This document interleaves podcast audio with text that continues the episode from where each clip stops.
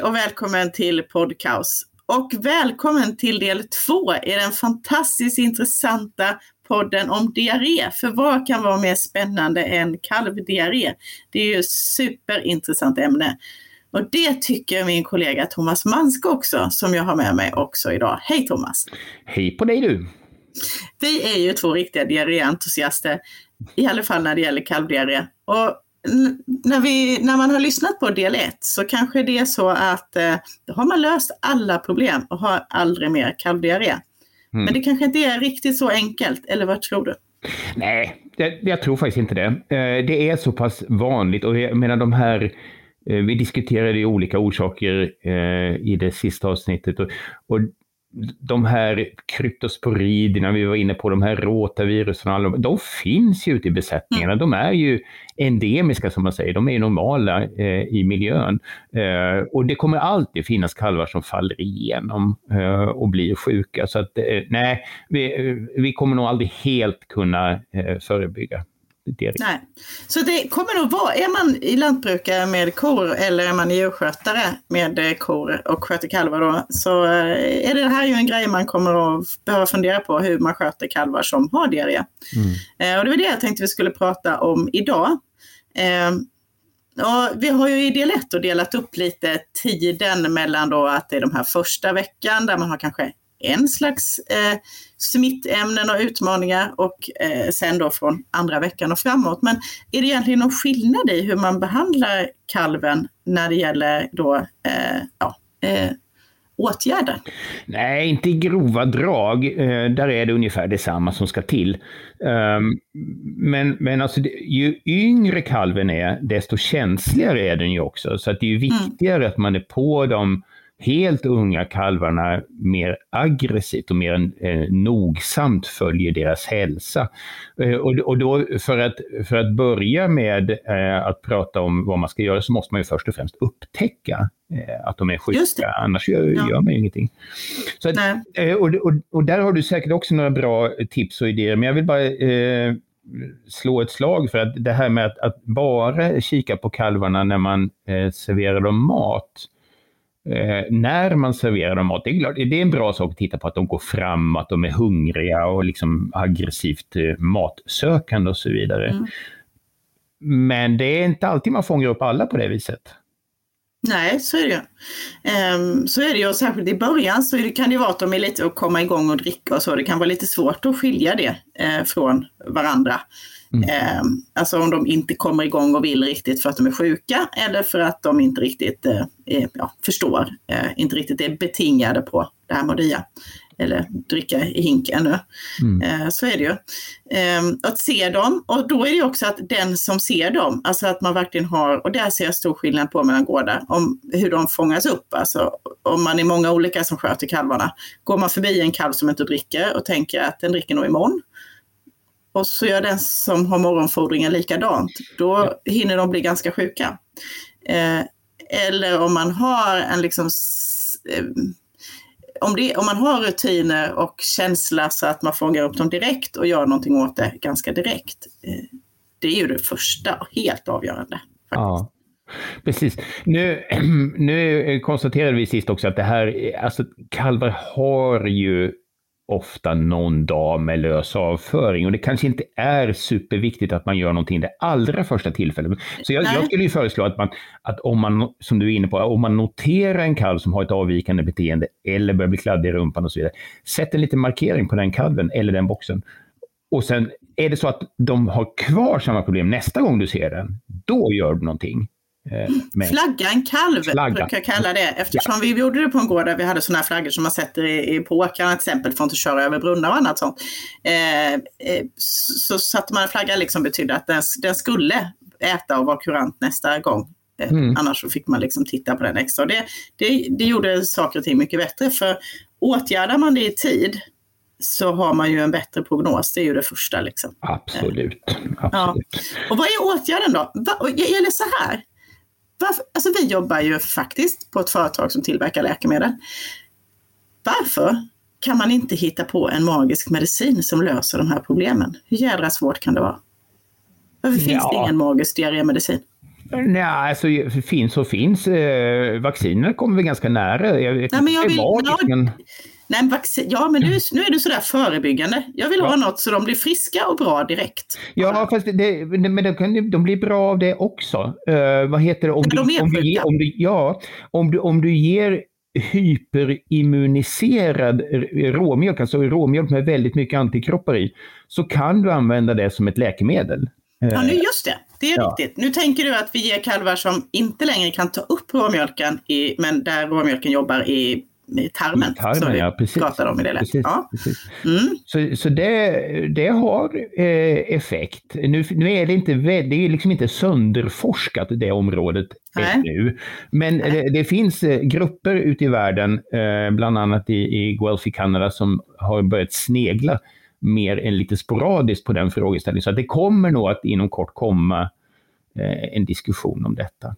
Men jag, jag, jag tror, alltså, eh, eh, Eh, eh, å andra sidan, jag menar, är du på kalvarna aggressivt, ser du dem tidigt, så kommer du väldigt långt med att ge extra vätska, extra elektrolyter, värme, eh, ett väl valt NSAID det finns för övrigt bara ett som har indikation till kalldiarré, så använd det. NSAID är ett antiinflammatoriskt eh, smärt... Ja, precis. precis.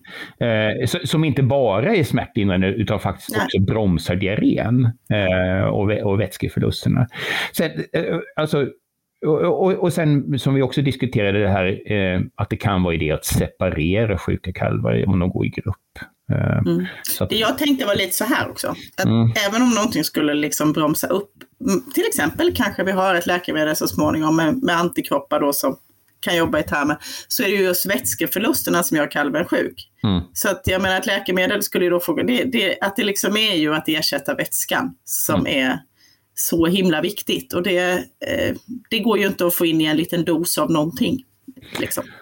Nej, men vi kan, vi kan hjälpa eh, kalven på väg att öka sitt mm. vätskeintag. Eh, det kan vi göra. Bland mm. annat med smärtlindrande medicin. Mm. Just det.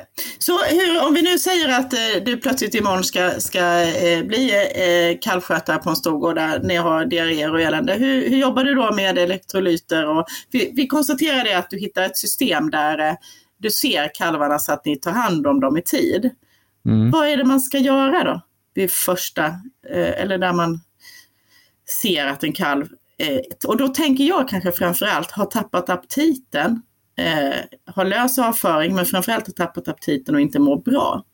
Ja, där måste man ju tillföra eh, vätska och inte bara vätska då utan även elektrolyter och någon buffrande substans. Och kanske till och med mm. lite näringsämnen. Uh, och, det, och det där får man ju då göra via sondning uh, om inte kalven dricker själv. Alltså är det, är det riktigt uselt så att kalven ligger platt på sidan uh, om man ska livrädda den, då är det ju intravenös behandling. Då får man ju kalla ut det. Dropp alltså, det som veterinärer kan göra. Då får, det, då får det vara en veterinär insats, ja precis. Mm. Och, och, man, kan ju, man kan ju definitivt rädda livet på kalvar som nästan ser döda ut eh, med mm. en, en skydds, schysst eh, droppbehandling. Eh, mm. Ganska stora mängder och framförallt mycket bikarbonat för att mm. korrigera acidosen, som är, alltså försurningen av kalven. Mm. Men, mm. men annars är det, det är ju eh, så länge eh, kalven dricker så ska den ju förses med en bra elektrolyt vid i lagom mängd. Eh, och det, det, är också en sak, man får inte ge för mycket nödvändigtvis. Eh, utan och vad är det då? Ja, alltså det, det, jag ska inte säga att det är heller sönderforskat, men två liter är en ganska bra mängd att ge åt gången. Och ja. behöver de mer än två liter, vilket många gör när de börjar bli lite torra, eh, så får man ge det vid flera tillfällen istället. Mm. Eh, och där kan det vara llite trixigt att hitta rutiner, för det där blir ju lite arbetskrävande. Ja, men det optimala är alltså att ge två liter åt gången och sen kan det handla om fyra gånger per dygn på en mycket sjuk kalv. Um, och det kan ges i sond och där, där vill jag också skriva under på det att, att i de lägena är ju en sond är ju jätteviktigt. Mm. Och också att alla kan sonda och att sonden är eh, hel, alltså de här som är i plast, de blir väldigt lätt lite uppruggade i plasten och det är smärtsamt och riskfyllt för kalven. Mm. Att trycka ner en sån här, det, det går ju inte. Utan att man faktiskt byter ut dem väldigt ofta om det är en sån, sån pinne man har. Eh, känns jätteviktigt. Ja.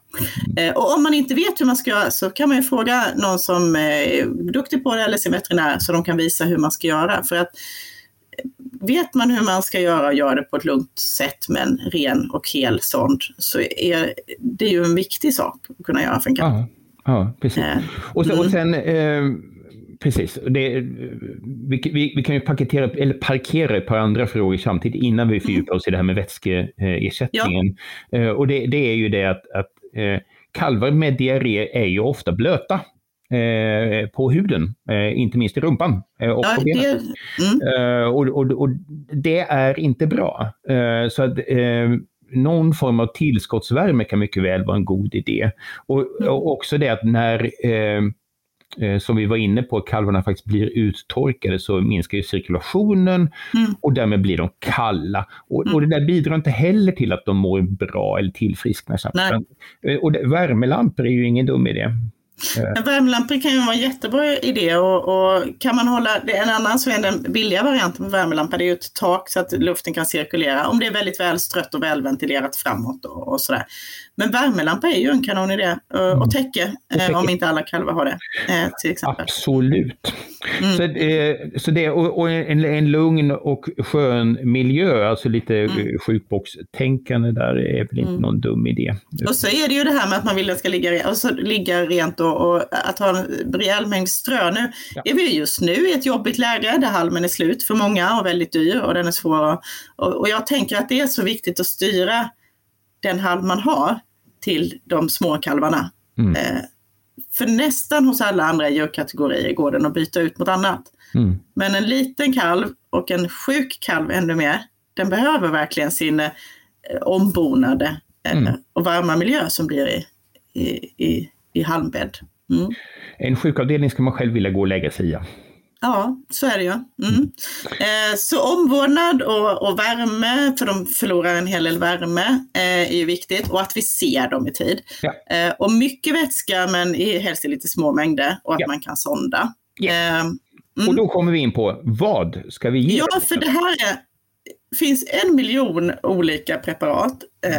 Mm. Ja. Vad, vad är det de ska ha för funktion, alla de här grejerna som ska ersätta då alltså som är någon typ av vätskebalans eller som är diarrétillskott av olika slag som ska hjälpa kalvar.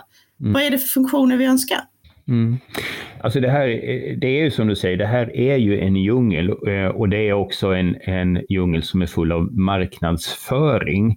Eh, mm. Och ty, tyvärr måste jag ju säga, inleda med att säga att det är inte ens på alla förpackningar som man ser vad de innehåller.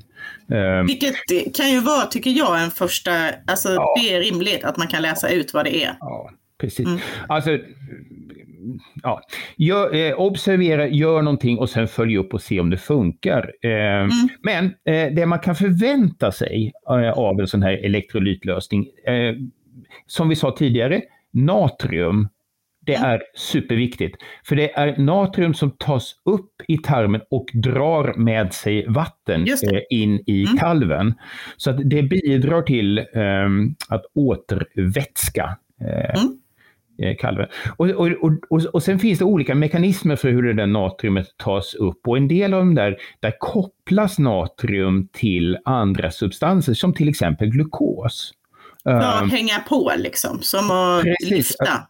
Exakt, de binds tillsammans och sen tas det eh, mm. aggregatet upp. Eh, mm.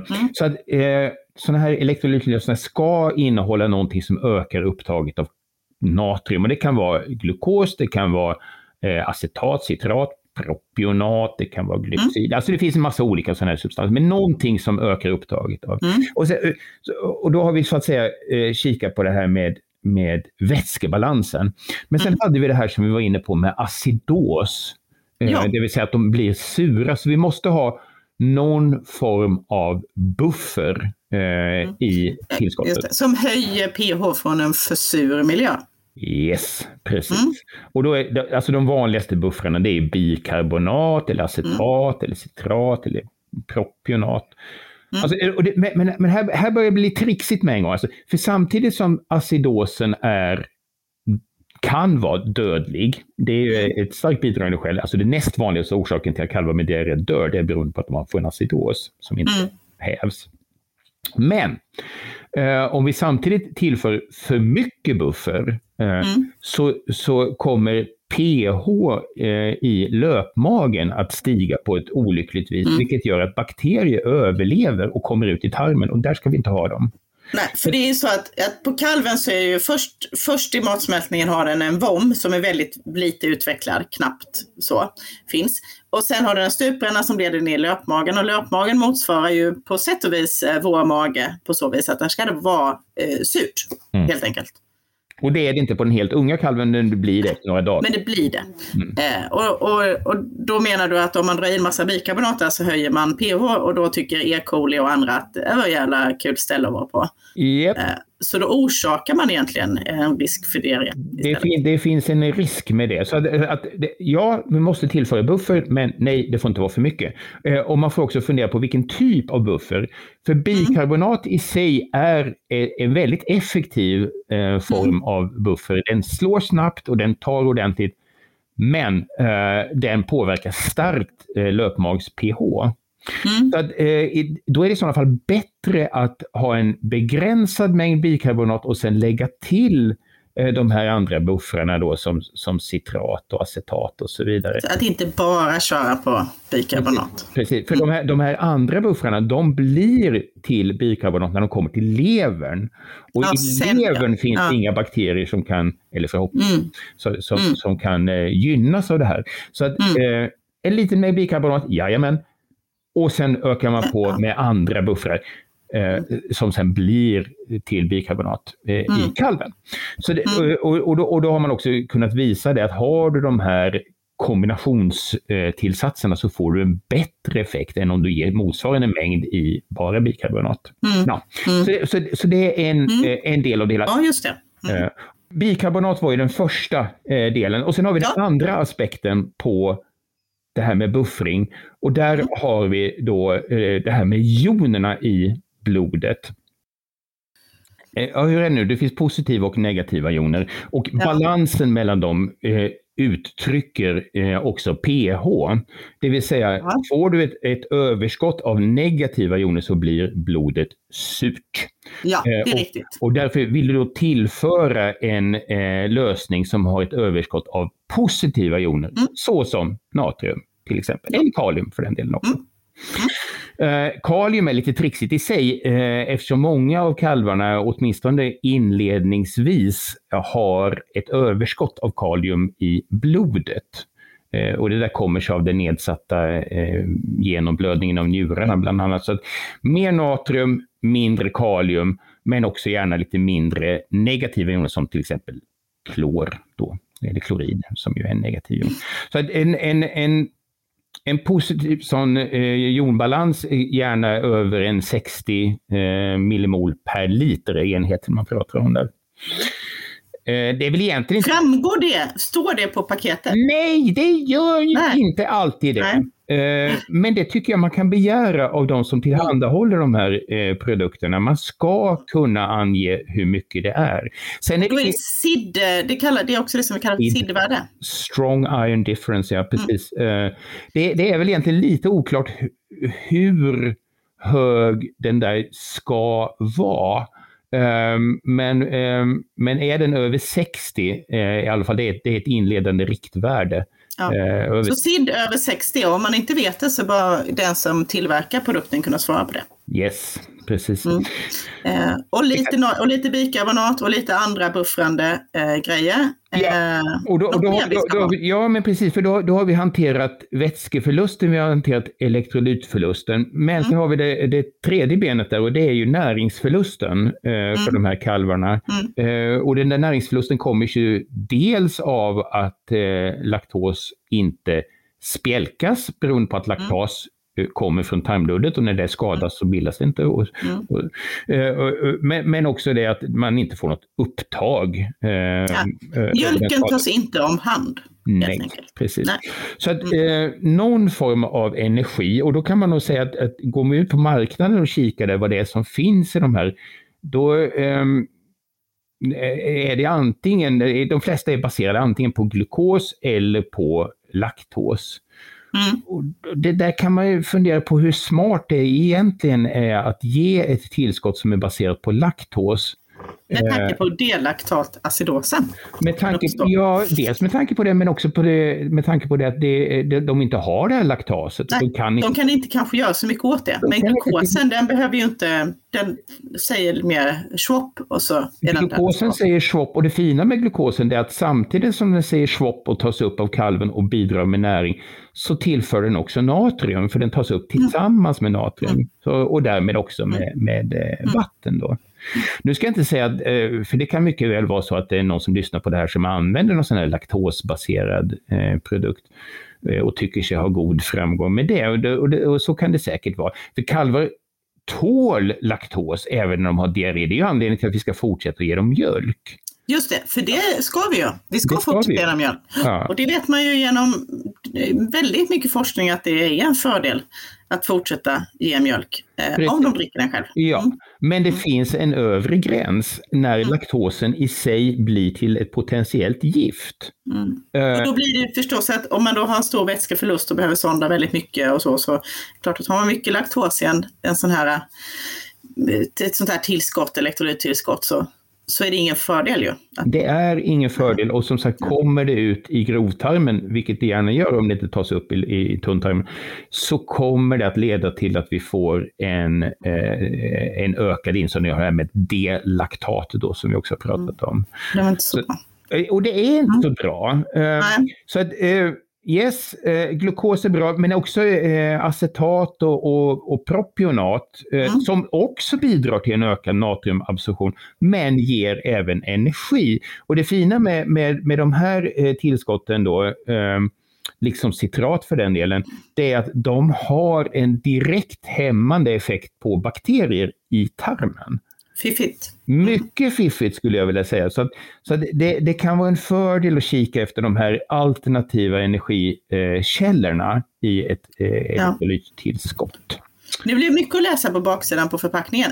Eller ja. fråga den som har sålt det om ja. de här uppgifterna fattas. Ja. Finns, finns det något mer som man kan ha i de här tillskotten som kan vara kan vara bra eller som inte är bra? Alltså det, det igen i den här lilla djungeln av olika tillskott så, så eh, finns det mängder av olika varianter på eh, ytterligare saker. Eh, och, det, och det kan vara, eh, Ehm, det kan vara eh, eh, prebiotika, det kan vara ehm, till exempel fibrer. Eh, och där, där finns det ehm, fibrer som kan binda bakterier i tarmen och faktiskt föra ut dem ut ur eh, kalven. Lite som en svart taxi fast det går åt fel håll. Ja, eh, eller rätta, ja. det tar med, tjuv, eh, det tar med de förfärliga ja, ut precis. lite kvickare. Mm. Ja. Man kan väl säga där att alla de här tillskotten så är det väl klokt att fråga sig finns det något, eh, finns det något vetenskapligt stöd för att det funkar eller bara har man hoppats och slängt i det? Liksom?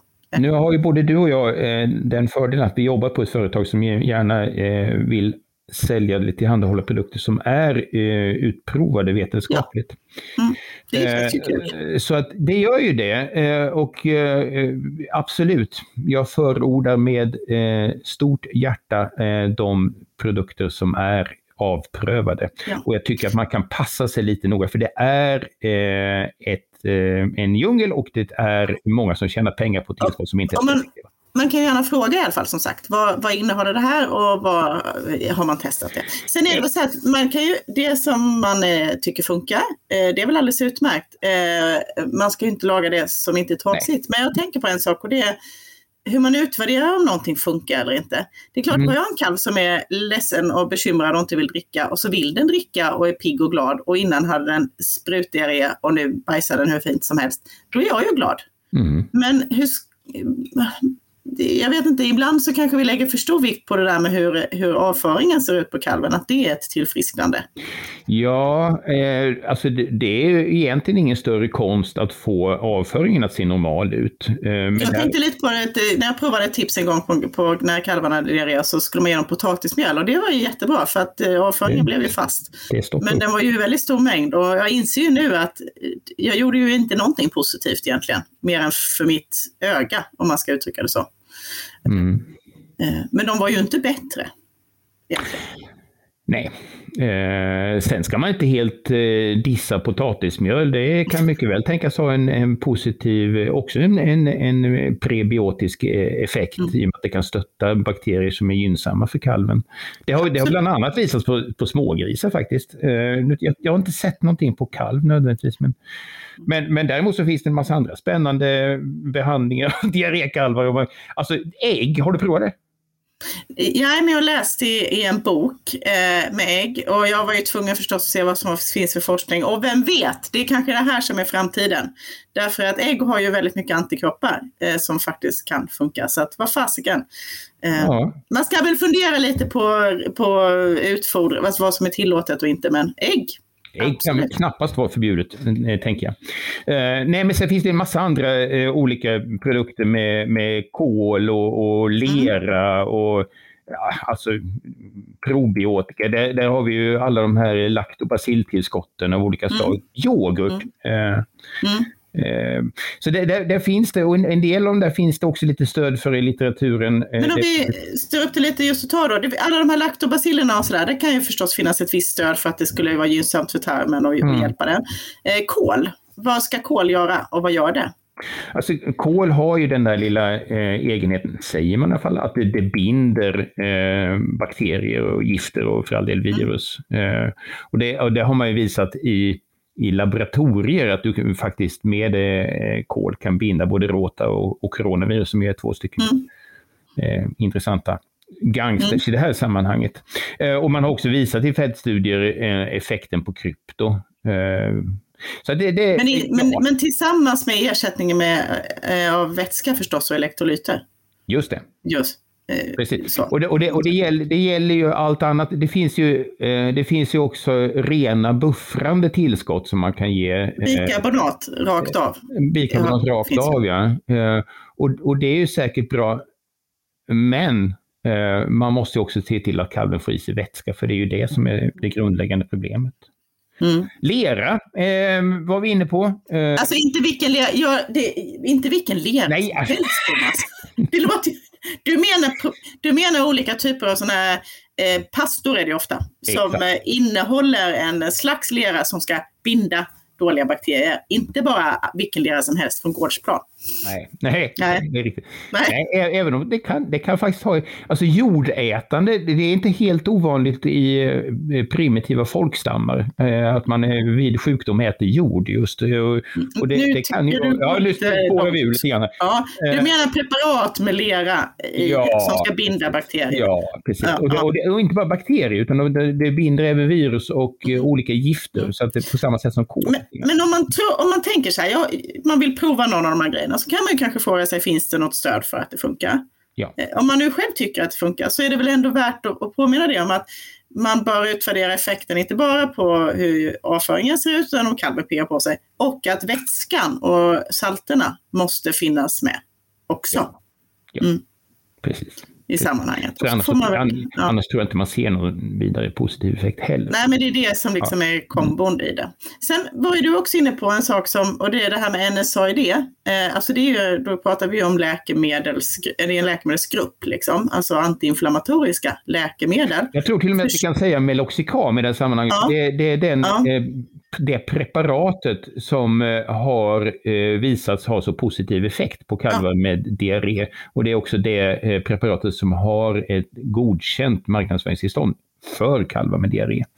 Så då är det ju så att det förskrivs av veterinär, men vad, vad är det det gör och på vilket sätt har det då en, en effekt på en kalv som har diarré?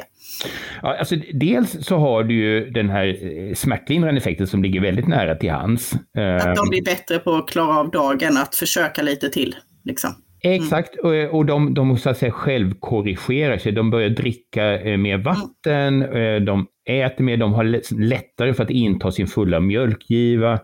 Um, alltså jag kan väl säga att alltså, som nu i min, i min vardag som dikoproducent så är det ju så otroligt viktigt för vi kan hjälpa dikalven lite grann men på det stora taget måste de klara det själv tillsammans med sin mamma. Mm. och då är det ju jätteviktigt att den är, kalven är, försöker helt mm. enkelt. Mm. Så, så, det är den ena aspekten, ehm, det här understödjande så att säga. Mm.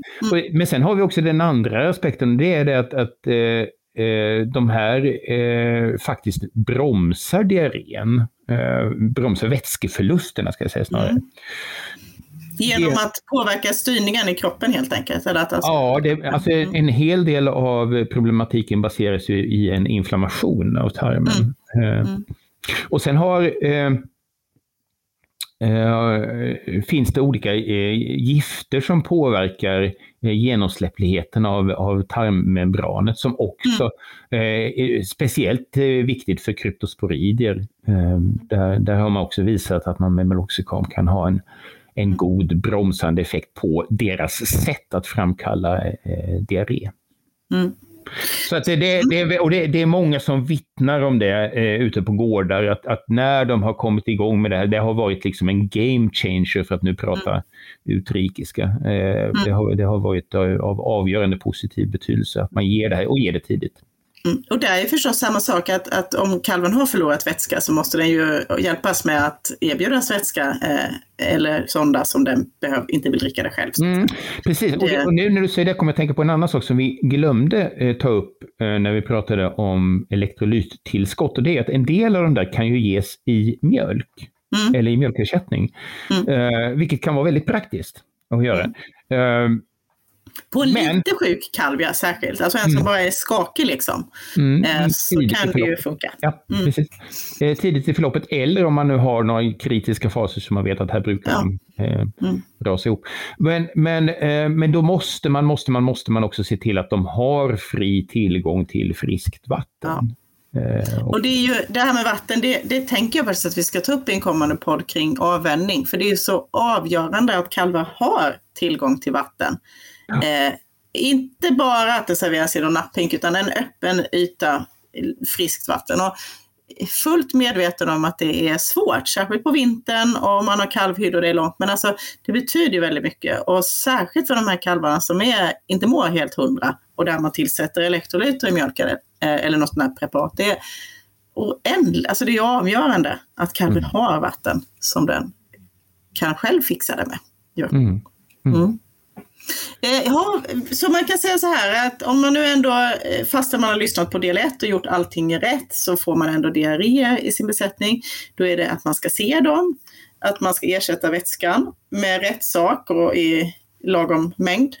Eh, man kan diskutera Meloxicam med sin veterinär. Eh, och ja, och så ska man ta hand om kalven lite extra med täcke, gott om strö, god omsorg, värmelampa kanske.